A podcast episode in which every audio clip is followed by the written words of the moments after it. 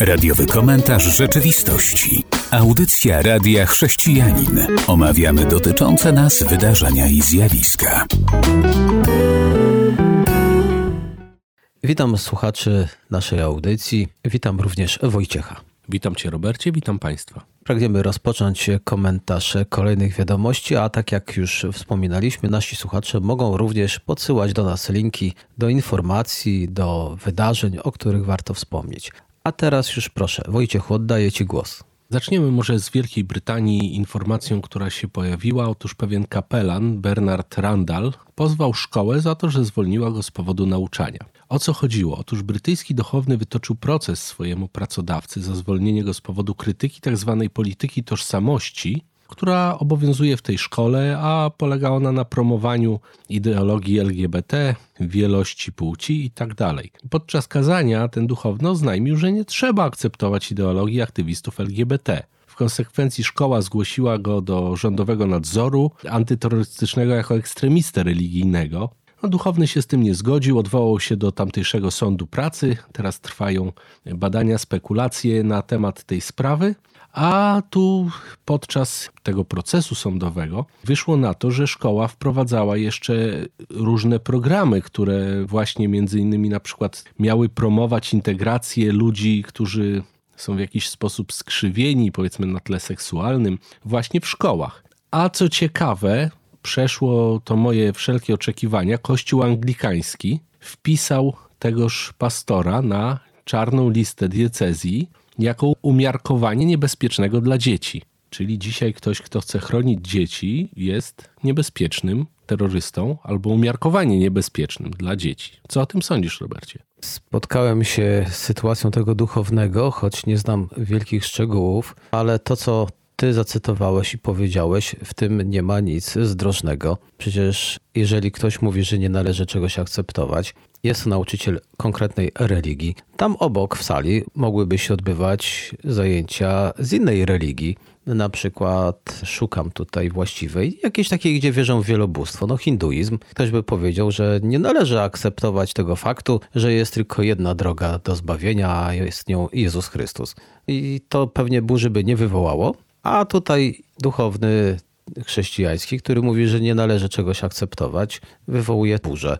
To jest raczej nie temat polityczny, tylko temat religijny. W przestrzeni tutaj publicznej należy rozmawiać, dyskutować. Jeśli on mówi, że nie należy akceptować, to niech teraz szkoła na innych zajęciach powie, dlaczego mają inne zdanie. No tak, tylko że y, to, co mówisz, jest w tym dużo racji. Natomiast jeżeli człowiek został wpisany na listę y, terrorystów, no to to się już robi naprawdę temat polityczny.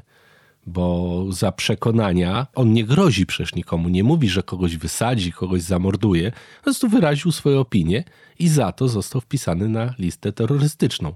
Ja mówię, zanim go wpisano na listę terrorystyczną, przecież mogliby podjąć temat i dyskusję. A w ten oto sposób to tak naprawdę ucięli dyskusję. Nie wiem, czy tak powinno być w krajach demokratycznych, że ucina się dyskusję. Ktoś ma inne zdanie niż my, no to ucinamy, a szukamy na niego kija i w tym wypadku znaleźli. Smutne jest to, że też Kościół tak reaguje, no ale kościoły i przełożeni często reagują, bo się boją pewnych konsekwencji w danym środowisku i w polityce, albo może wiedzą coś więcej. Trudno mi powiedzieć, no ale terrorysta z niego chyba jest żaden. Znamy przykłady innych, znacznie bardziej groźnych terrorystów. Dokładnie tak, a tutaj warto zwrócić przy tej okazji uwagę na to, co się dzieje we Włoszech. Otóż tam nowa pani premier, która została wybrana ostatnio w wyborach, pani Giorgia Meloni, Georgia, może nie wiem dokładnie jak to po włosku powinno brzmieć. Natomiast y, ta pani w swoim wystąpieniu bardzo jasno określiła się jako osoba wierząca, jako osoba konserwatywna, która powiedziała, cytuję: Nie mogę określić się jako Włoszka, chrześcijanka, kobieta, matka. Muszę być obywatelem X, płcią X, rodzicem 1, rodzicem 2. Muszę być liczbą, bo kiedy będę tylko liczbą, kiedy nie będę już miała tożsamości ani korzeni, zostanę niewolnikiem idealnym na łasce finansowych spekulantów. No i tą wypowiedzią wywołała dosyć dużą burzę braw. Widać, że Włosi po tych ostatnich wyborach też zaczynają mieć trochę dosyć narzucania tych różnych ideologii, tego różnego traktowania właśnie mężczyzny i kobiety jako dwóch płci oraz kolejnych innych, których tam słyszeliśmy, jest już teraz sporo. Także fajnie, że to się dzieje. Trochę niepokoi mnie takie bardziej narodowościowe nastawienie tej pani, ale akurat ta wypowiedź uważam jest dosyć słuszna. Nie ma doskonałych polityków, którzy zawsze powiedzą coś, co będzie po naszej myśli. Tutaj w to wszystko wpisuje się również sytuacja we Francji. Bardzo ciekawy tytuł artykułu Dziecko trans nowym produktem marketingowym. I tutaj znak zapytania, bo chyba nie trzeba już tego komentować, że ten bieg w kierunku popularyzacji tego rodzaju środowisk jest finansowany przez miliarderów, ale tutaj się okazuje, że ktoś zapytuje, czy to czasami też nie służy, aby inni się na tym dorobili pod tymi hasłami. Ale też ważne jest to, bo to pewna dziennikarka zbadała ten temat, że ta rewolucja, której jesteśmy świadkami, rewolucja, ona określa to gender, w której biorą również udział dzieci, jest w rzeczywistości ostatecznym wyrazem roszczenia sobie absolutnej wolności, czyli samostanowienia. I teraz, e, czy to osoby trans, e, które zmieniają płeć, może tutaj ją zacytuję. Ciało nie jest już święte, czyli nienaruszalne, ale staje się produktem dostarczonym na rynek. I dodaje, skoro każdy z nas może wybrać sobie płeć, ukształtować swoje ciało tak, by było na nasz obraz, tak jak Bóg stworzył człowieka na swój obraz, to nic nie stoi na przeszkodzie, byśmy używali go tak, jak chcemy, zarówno po to, by się nim cieszyć, jak i po to, by je urynkowić. To tak w tym kierunku chciałem coś dodać. Zauważalne jest, że każda moda, która się pojawia, bo tak chyba trzeba to określić, jest w pewnym czasie monetyzowana. Każdy ruch społeczny, który się pojawia, za chwilę ma koszulki, które można kupić, różne opaski, które można kupić, książki się pojawiają, które można kupić, żeby się dowiedzieć, więc zawsze znajdzie się ktoś, kto zechce na nas zarobić, tak czy inaczej. Tak, i tutaj przykładem są firmy, które już korzystają z osób trans do tego, aby reklamować swoje produkty. Tutaj między innymi jest firma Nike, również w bajkach zaczynają się pojawiać to również widać, że jeżeli temat się dobrze sprzedaje, to nawet znana bajka Scooby-Doo również wprowadziła Welmę jako lesbijkę. No tak, słyszałem o tym. To jest dziwaczne. Chyba chęć przypodobania się po prostu jakiejś. Marketing. E, będzie wersji. się lepiej sprzedawało. Dokładnie tak. Myślę, że zróbmy przerwę w tym momencie, żeby nasi słuchacze mogli trochę odetchnąć po tych dziwnych tematach. Zapraszam do wysłuchania utworu muzycznego. Mam nadzieję, że nasi słuchacze z przyjemnością wysłuchali utworu muzycznego, a teraz powracamy do wiadomości. Wojciechu. To może przeskoczmy na chwilę do Rosji. Otóż nasz miłościwie panujący car Rosji Władimir Władimirowicz kończy 70 lat. I z tej okazji patriarcha Moskwy i całej Rusi Cyryl wezwał wszystkich arcybiskupów, pastorów, zakonników i świeckich, aby w tym dniu ofiarowali żarliwą modlitwę o zdrowie głowy państwa rosyjskiego. Tak zostało napisane w liście wydanym przez patriarchat do duchownych w Rosji. Więc tak widzimy, no, patriarcha Cyryl troszczy się o zdrowie cara rosyjskiego nowego, ale ciekawe, że to, o czym wcześniej wspominaliśmy, czy oprócz tego zdrowia, to nie powinien się modlić o to, żeby Władimir Władimirowicz został zbawiony, żeby może zrozumiał, przyszedł do Jezusa i ocenił swoje życie w tym świetle. Trudno mi podejrzewać, żeby o to poprosił, choć z drugiej strony media świeckie takie informacje nie podadzą dalej. Ale to też pokazuje, że dla niektórych zdrowie jest ważniejsze niż ich nawrócenie, zbawienie, bo w tym wypadku, kiedy on ma już 70 lat, jak najbardziej powinien już szybko i to intensywnie pomyśleć o swoim zbawieniu. A jeżeli jego duchowy opiekun mu na to uwagi nie zwróci, to myślę, że Pan Bóg mocno rozliczy go. Na pewno, zwłaszcza, że przecież jak patrzymy na różne doniesienia medialne, doniesienia prasowe, Putin nie jest wierzącym człowiekiem. I to nie mówię tego dlatego, że no wywołał wojnę, tak, bo to jakby się w oczywisty sposób gryzie. Natomiast y, często doniesienia były o tym, że on jeździ na Syberię, tam bierze udział w rytuałach szamańskich, bierze udział w jakichś kąpielach we krwi reniferów, które niby mają go uzdrawiać. Więc no tutaj widzimy jasno, że tak naprawdę ta wiara Putina, ona jest tylko na pokaz, żeby część społeczeństwa chciała go akceptować, a Cyryl, który zarabia przy tej okazji duże pieniądze, po prostu patrzy na to przychylnym okiem. I dlatego pozostaje nam, jeżeli chcemy się modlić, bo to nie ma w tym nic złego, że ktoś wezwał do modlitwy Putina, ale my zamiast o jego zdrowie fizyczne możemy śmiało modlić się jego zdrowie duchowe, czyli nawrócenie, upamiętanie, bo nie jest to wykluczone. Człowiek nawet na łożu śmierci, taki nawet jak Putin, może mieć tą łaskę, żeby przejrzeć na oczy i zobaczyć, gdzie może się udać, jeżeli nie pojedna się z Bogiem. I oby tak się stało. Wojciechu, przygotowałeś dla nas coś jeszcze z Polski. Tak, z Polski. Otóż yy, wszyscy widzimy, co się dzieje na naszych rynkach. Ceny rosną, inflacja rośnie, a prąd, energia rośnie po prostu w zastraszającym tempie. Tutaj w przypadku miast niektórych podwyżki sięgają rzędu 540%. I dlatego nasi samorządowcy w Polsce postanowili zaprotestować przeciwko tak gigantycznym cenom. I tutaj cytat: Jedziemy powiedzieć, że nie zgadzamy się na te ceny. To prezydent Olsztyna Piotr Grzymowicz. W jego właśnie, w przypadku jego miasta, te podwyżki sięgnęły 540%.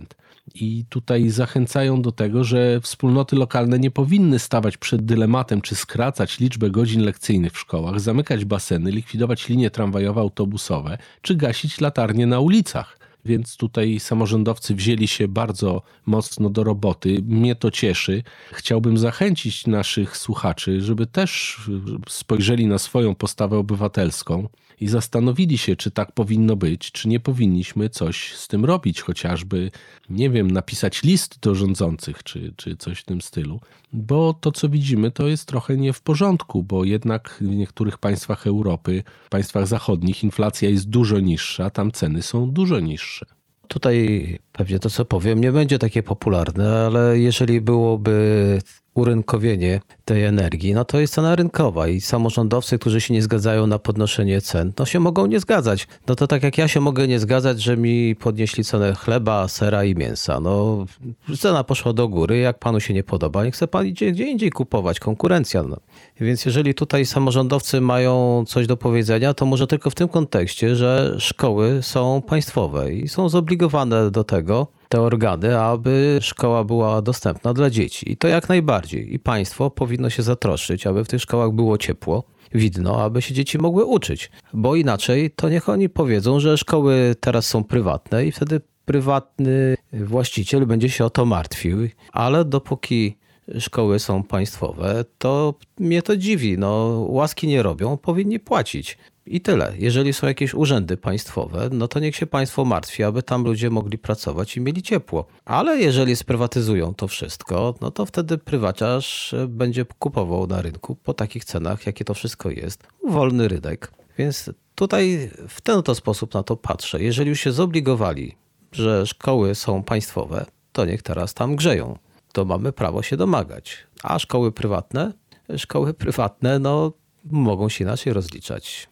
Jest dużo racji w tym, co mówisz, tylko że problem z energią jest taki, że nie bardzo masz gdzie iść do konkurencji, bo PG chociażby jeżeli kupujesz energię od innego dostawcy, co jest możliwe w naszym kraju, to niestety PGE i tak bierze sobie za przesył. Co jest dla mnie niezrozumiałe, ponieważ to kiedyś państwo, czyli ta yy, słusznie miniona komuna budowała te wszystkie linie, budowała te wszystkie słupy.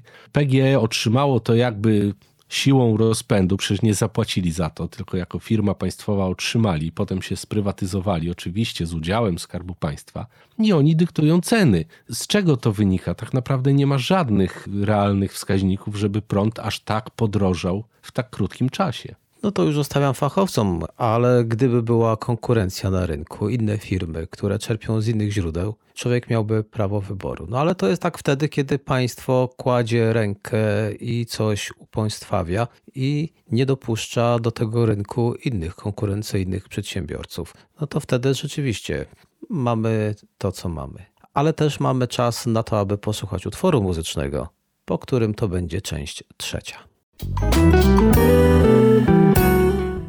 Witam w trzeciej części i ostatniej. Chciałbym wspomnieć, no tylko pokrótce, że w internecie krąży pewien filmik o pani, która ma implant mikrochipowy w swojej dłoni. I już ponad 3 miliony ludzi obserwuje to w mediach. Kobieta jest z Las Vegas w Nevadzie, a co pokazała?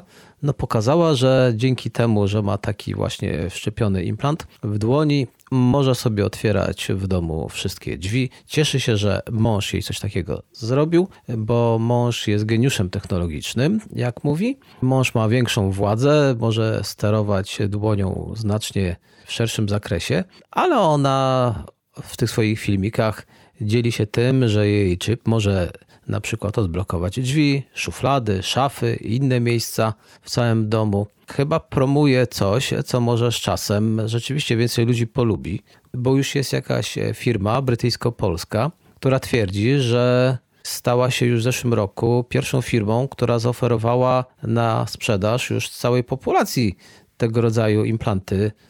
Idzie, idzie nowe, prawda?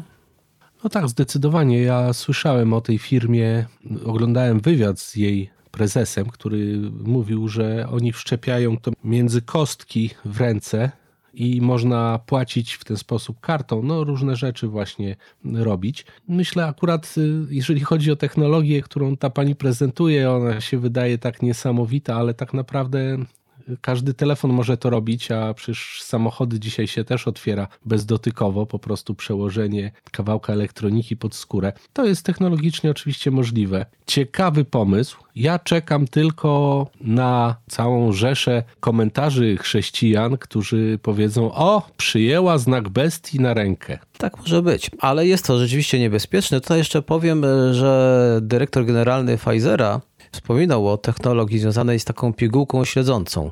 Kiedyś w naszych mediach też to padło, czyli ktoś połyka pigułkę i wtedy idzie komunikat, że ktoś rzeczywiście przyjął ten lek. To jest i rzeczywiście istnieje, więc e, ci, którzy się boją, że coś mogą łyknąć z jakimś takim sygnalizatorem, no, mają uzasadnione jednak obawy.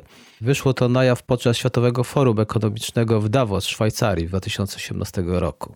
Ale tutaj na koniec chciałbym zwrócić uwagę, że my boimy się tej technologii z innego powodu, bo kiedy wszystko będzie już cyfrowe, to wystarczy zablokować komuś konto i nie kupi nic do jedzenia i będzie głodował. I to może być ta historia, jak się nie spodobał ten nauczyciel Wielkiej Brytanii, ten katecheta, i znalazł się na czarnej liście, no to my możemy za takie poglądy też się znaleźć na czarnej liście i nam zablokują dostęp do konta i pozostaje iść i prosić ładnie innych, aby coś nam wrzucili do garnuszka. No dokładnie o tym właśnie chciałem wspomnieć, bo moja poprzednia wypowiedź była w tonie żartobliwym, ale to jest poważna sprawa, bo na przykład w kontekście tej pani, która tam pokazuje te filmiki, przecież elektronicznie na dobrą sprawę, zdalnie można jej zablokować wejście do domu i nie tylko nic nie kupi, ale i będzie musiała się przeprowadzić przez most, chyba że się będzie musiała włamać do własnego, własnego mieszkania. Tak, więc ta technologia wcześniej czy później może nas zaboleć. A teraz e, chciałbym przenieść się do Polski. Jeżeli już mówimy o technologii, no to teraz mówi się o tym, żeby dostawcy internetu zablokowali młodym, czyli dzieciom, dostęp do pornografii. Jest taki już projekt ustawy o ochronie małoletnich przed dostępem do treści nieodpowiednich w internecie. Ten projekt ukazał się już na stronie kancelarii premiera w wykazie prac legislacyjnych. No i on zakłada m.in. o zobowiązaniu dostawców usług telekomunikacyjnych do działań na rzecz ochrony małoletnich. Czy myślisz, że coś takiego nawet jak wejdzie, to małoletni sobie nie poradzą? Nie, myślę, że oczywiście sobie poradzą. Dzisiaj tak przypadkowo, jeżeli mówimy o technologii, za chwilę wrócę, ale to też jest ciekawa sytuacja. Przechodząc, zauważyłem człowieka, który wymieniał baterie w hulajnogach, które można sobie wynajmować. I tak zacząłem z nim sobie rozmawiać, i on mówi, że nasze miasto przoduje, to jest bardzo przykra statystyka, ale przoduje w nielicencjonowanych wypożyczeniach hulajnog. Po prostu młodzież znajduje dziury w systemie i sobie jeździ za darmo. Oni oczywiście to wyłapują, dziury łatają. Na razie, jak mi powiedział, załatali już wszystkie dziury, które były, ale czekają na następnych spryciarzy, którzy zechcą skorzystać z tego dobrodziejstwa jazdy za darmo, tak w cudzysłowie powiem. I tu myślę, że to samo będzie tej sytuacji młodzież zawsze znajdzie sobie sposób, jeżeli nie to starsi znajdą się tacy, którzy zechcą im w tym pomóc. Natomiast nie bardzo sobie wyobrażam, jak państwo miałoby to wyegzekwować, no bo przecież nieletni nie może kupić telefonu, nieletni nie może, znaczy inaczej, może kupić, ale nie zarejestruje sobie go w sieci komórkowej no to jak rozróżnić, kto jest dorosły i ma, powiedzmy, chęci prawo skorzystać z takich treści od tego małoletniego, który nie ma tak, nie powinien korzystać z takich rzeczy? Dlatego też uważam, że to wciąż leży w rękach rodziców, opiekunów. Dobrze, że państwo o tym myśli. Jest jakiś sygnał, że państwo się troszczy. Tylko, że państwo bez opiekunów, bez rodziców, no to sobie samo nie poradzi. A ja bym chciał przy tej okazji wspomnieć, że ten problem dotyczy również i dorosłych. Więc jeżeli dorośli sobie nie radzą, no to też nie poradzą chyba zbytnio na ten problem u małoletnich. Przy okazji wspomnę tylko o książce, którą polecam tutaj mężczyznom. Nosi tytuł Bitwa każdego mężczyzny. To może być bardzo cenna pozycja. Autor też napisał odnośnie kobiet, ale żaden wydawca polski nie odważył się jej wydać. To tak przy okazji książek, może kiedyś w innych kolejnych audycjach będziemy też chcieli powiedzieć o takich, do których warto sięgnąć. I ostatnia wiadomość, do której się odniesiemy, dotyczy krzyży krzyży w miejscach publicznych. Czy słyszałeś o tym, że w pewnym to przedszkolu jeden z rodziców powiedział, że nie chce krzyża, no i pani dyrektor zdjęła krzyż? Wiele takich doniesień było z różnymi skutkami. Tak, to, to pojawiają się co pewien czas w mediach. I do tego odnosi się profesor Sowiński. Media podały taką informację. Chciałbym za chwilę zacytować go, ale zanim się to stanie, to mam takie pytanie. My chyba żyjemy w kraju demokratycznym. Czy nie tak? Tak by się zdawało. Demokracja polega na tym, że jest jakieś głosowanie. Czy nie można byłoby w takim przedszkolu przeprowadzić głosowanie? No bo jeżeli ten rodzic tego dziecka sobie nie życzy, no ale jeżeli jest tam setka dzieci i 99 tych rodzin sobie życzą, a jeden sobie nie życzy, to patrząc, jeśli chodzi o demokrację, no to krzyż chyba powinien wisieć dalej. No zdecydowanie tak, ale tylko pozornie moim zdaniem. Dlatego, że tu trzeba rozróżnić coś, czego my jakby cały czas nie rozróżniamy, albo nie dostrzegamy, albo nie chcemy, bo moim zdaniem trzeba sobie powiedzieć jasno: mamy rozdzielność kościoła od państwa. Jeżeli przedszkole jest państwowe, to powinno się stosować do, że tak powiem, neutralności religijnej. Oczywiście my nie wieszamy, bo tak, przedszkole prywatne, proszę bardzo, życzą sobie wszyscy. No to powiedzmy, że jest to prywatne, ale jedna osoba sobie nie życzy. Nie, no prywatne tutaj jak najbardziej. To zgadzam się z tą, podpisuję dwoma rękami. Ale wtedy jak jest prywatne, to ja uważam, że nawet 99% może nie życzyć, a jedna sobie życzy, to jest prywatne, ja wieszam.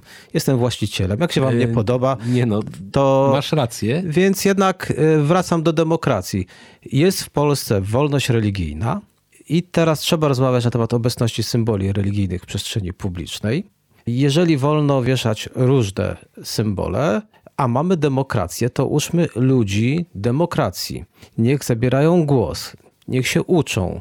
Więc jeżeli nie mamy demokracji, no to faktycznie, no to ktoś decyduje za wszystkich. I wtedy po dyskusji, no nie ma demokracji, można by odpowiedzieć takiemu panu, albo tym 99 rodzinom. Tu nie ma demokracji, ten pan zdecydował i ten pan wygrał. No nie, oczywiście, jak najbardziej słusznie mówisz. Natomiast dobrze, że podkreśliłeś pewną rzecz o tym, że my za mało jesteśmy, że tak powiem, demokratyczni, o w ten sposób powiem. Za mało się wypowiadamy, za mało chcemy decydować o tej przestrzeni, która nas otacza. I potem się dziwimy, że mamy co mamy. No jeżeli nikt nie podnosi, tak powiem, żadnego głosu w tej sprawie, bo panu się nie spodobało, pani dyrektor zdjęła. I zastanawiam się, czy inni rodzice przyszli i powiedzieli zaraz, zaraz, zaraz, może panu się nie podoba, ale nam się podoba, więc może nas jest więcej, tak? I zostawiamy. Więc tu może trzeba na to zwrócić uwagę, żebyśmy byli bardziej demokratycznym społeczeństwem. Zdecydowanie, abyśmy byli tymi, którzy otwieramy usta, bo jeżeli nie otworzymy, to może być to według tego powiedzenia Nieobecni głosu nie mają. Tak jak obiecałem, chciałbym jeszcze wspomnieć o panu profesorze Sowińskim, który odnosząc się do problemu krzyży w szczecińskim przedszkolu, powiedział, że krzyż, który wisi na ścianie, nie jest przeciwko komuś, tylko dla kogoś. W takim bądź razie niech ta osoba, to ja dodaję, nie czuje się zagrożona, bo ten krzyż nie jest przeciwko niej. On jest dla tych, którzy są wierzący. A tamta osoba, jeżeli ten krzyż nie stanowi dla niej żadnej wartości, to nie powinna się w ogóle tym przejmować. Niech sobie wisi.